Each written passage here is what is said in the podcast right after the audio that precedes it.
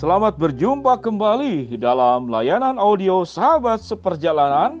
Hari ini adalah hari Kamis 26 November 2020 untuk melayani dan menolong Anda sekalian sahabat seperjalanan di dalam berdoa dan bersaat teduh setiap hari. Firman Tuhan yang terdapat hari ini dalam Amsal 21 ayat yang kedua, demikian bunyi firman Tuhan. Setiap jalan orang lurus menurut pandangannya sendiri, tetapi Tuhanlah yang menguji hati. Tema yang kita akan pelajari yaitu benar atau merasa benar. Benar atau merasa benar. Mari kita berdoa. Bapa yang di dalam sorga, ajar kami sebagai anak-anakmu ya Tuhan, para sahabat seperjalanan, Bagaimana kami bisa bertumbuh sebagai anak-anak Tuhan yang semakin maju di dalam kerendahan hati kami untuk taat menjalankan kebenaran firman Allah dan bukan taat menjalankan menjalankan keinginan dan juga harapan-harapan pribadi kami yang justru sering kali kami menjadi tersesat karena keyakinan kami merasa benar Biarlah ya Tuhan kami dipertumbuhkan di dalam hal ini menjadi semakin baik lagi. Di dalam nama Tuhan Yesus kami berdoa. Amin. Sahabat seperjalanan, temanya adalah benar atau merasa benar. Apa bedanya benar dan merasa benar? Kalau benar, kalau kita bicara secara ilmiah, itu kalau sudah lewat pengujian.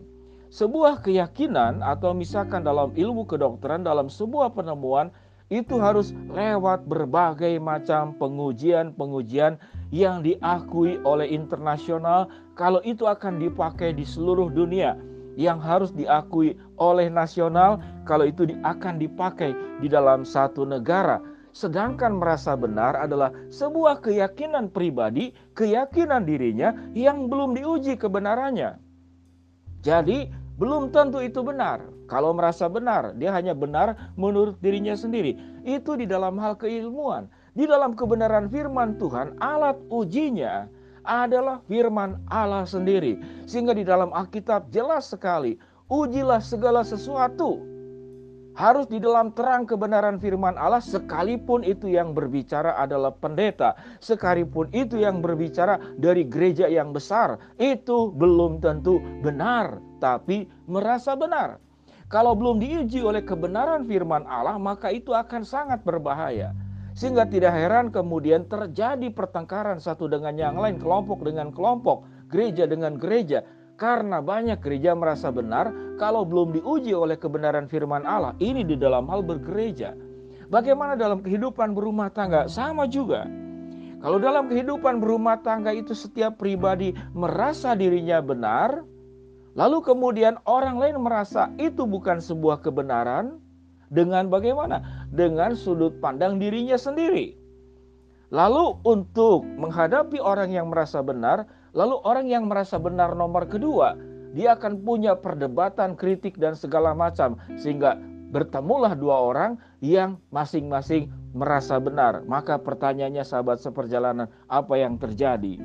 Tatkala dua orang ini yang masing-masing merasa benar, kemudian tidak menemukan solusi dan jalan keluarnya lagi, masing-masing membawa lagi orang-orang lain yang kemudian juga merasa benar. Lalu 10 orang punya 10 pemikiran dan punya 10 versi merasa benar. Bayangkan jikalau dunia ini dipenuhi oleh orang-orang yang merasa benar, apa yang akan terjadi di dalam dunia ini? Maka benarlah kata firman Tuhan, setiap jalan orang itu lurus menurut pandangannya sendiri. Setiap orang itu merasa benar menurut pandangannya sendiri. Lalu siapa yang akan mengujinya? Firman Tuhan berkata, tetapi Tuhanlah yang menguji hati. Tetapi firman Tuhanlah yang menguji hati. Amsal 21 ayat yang kedua. Untuk menjadi orang hidup di dalam kebenaran harus membaca dan menghafal Amsal 21 ayat yang kedua. Cukup menarik ya. Amsal ini Amsal 212. Amsal 21 ayat yang yang kedua. Sahabat seperjalanan yang dikasihi Tuhan, orang yang merasa benar itu berdampak buruk buat dirinya dan juga buat orang orang lain. Nah, orang yang merasa benar itu bagaimana? Dia akan dijauhkan jadi kalau Anda ingin hidup Anda dikelilingi oleh orang-orang maka jangan hidup merasa benar. Kalau engkau merasa benar, engkau akan dijauhkan oleh siapa pun. Lalu orang yang merasa benar, itu dalam kehidupannya tidak pernah berkembang karena dia sudah merasa benar, dia tidak perlu belajar lagi hal yang lain. Lalu orang yang merasa benar itu akan hidup tetap di dalam kebodohan. Dia tidak akan berkembang. Dia tidak pernah akan menjadi pintar, hanya dia merasa pintar saja. Lalu orang yang merasa benar, apa akibatnya buat orang lain? Kalau Anda sudah berumah tangga, kalau Anda sebagai pimpinan perusahaan, kalau Anda seorang pimpinan dalam sebuah organisasi, lalu Anda merasa benar, maka Anda sedang memberikan warisan yang buruk buat anak cucumu. Warisan yang buruk kepada siapa? Kepada anak buahmu. Kalau engkau hidup merasa benar. Karena orang-orang yang di bawah itu akan mencontoh engkau. Kalau engkau buruk, maka itu akan menular kepada semua lingkungan. Tatkala engkau kaya, engkau berkedudukan, engkau punya pengaruh. Lalu hidupmu hidup di dalam rasa benar. Itu berbahaya buat orang lain dan buat dirimu.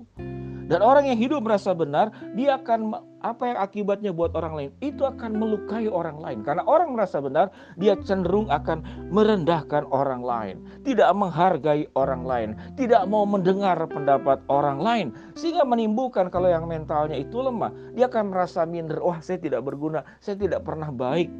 Banyak anak-anak yang tumbuh secara ekonomi baik, makannya cukup, badannya sehat, Segala sesuatunya baik, kulitnya bagus, rambutnya terurus. Namun dia minder, insecure. Dia merasa tidak berguna. Mengapa? Karena dia terus disalahkan oleh pribadi-pribadi yang hidupnya merasa benar. Dan orang-orang yang terus disalahkan oleh orang yang merasa benar di dalam kondisi yang paling parah, dia akan mengalami depresi. Di dalam kondisi yang lebih parah lagi, orang ini bisa berakhir dengan bunuh diri karena tidak pernah dihargai, karena tidak pernah dinilai sebagai sesuatu yang baik. Setiap pribadi punya pandangan, punya pemikiran. Sahabat seperjalanan yang dikasih Tuhan, mari kita belajar di dalam kehidupan ini untuk hidup benar. Orang yang hidupnya benar, dia akan terbuka terus belajar kebenaran firman Allah. Orang yang hidupnya benar, dia tatkala melihat dan segala sesuatu itu akan melihat hal-hal yang baik. Dia akan mendengar komentar-komentar orang pengajaran segala sesuatu. Dicerna dulu apa manfaat baik yang kita perlu pelajari. Bukankah firman Tuhan mengajarkan jangankan dari manusia, dari binatang pun kita harus belajar. Engkau harus belajar kepada semut bagaimana kerajinannya. Engkau harus belajar kepada cicak binatang yang lemah namun ada di istana-istana raja. Engkau harus belajar kepada pelanduk, engkau harus belajar kepada burung yang tidak punya kemampuan membangun arsitek rumah, namun dia punya kemampuan membangun sarang buat anak-anaknya. Sahabat seperjalanan, orang benar akan hidup apa? Hidupnya selalu terbuka dikatakan oleh firman Tuhan, terbuka untuk diuji oleh Tuhan, terbuka oleh diuji oleh yaitu oleh kebenaran firman Allah. Kalau Anda sebagai orang yang lebih senior, apalagi sudah lanjut usia, apalagi Anda sudah jadi kakek, sudah jadi orang tua, sudah jadi bos, Anda belum lulus dalam kehidupan ini. Mengapa?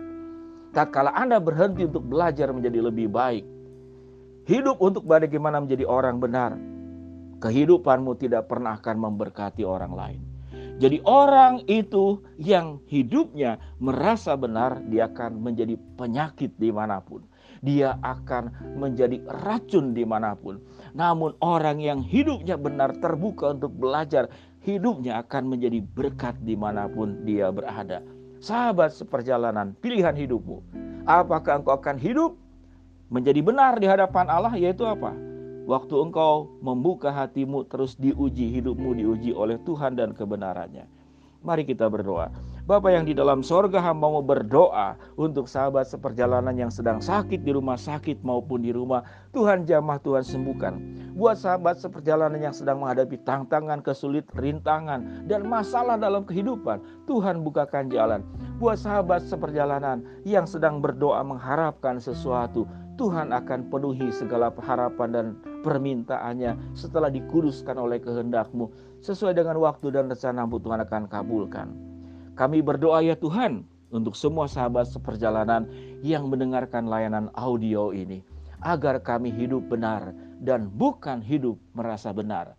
Karena orang yang hidup benar, dia akan terbuka terus belajar kebenaran firman Allah dan hidup terus menjadi lebih baik. Di dalam nama Tuhan Yesus kami berdoa. Amin. Shalom sahabat seperjalanan, selamat beraktivitas. Saya doakan Anda sukses dan kemudian terus sehat selalu dan hiduplah terus menjadi orang benar. Orang benar selalu membuka diri untuk diuji oleh Tuhan. Orang yang merasa benar hidupnya adalah lurus menurut pandangannya sendiri. Amsal 21 ayat yang kedua. Shalom Tuhan memberkati. Amin.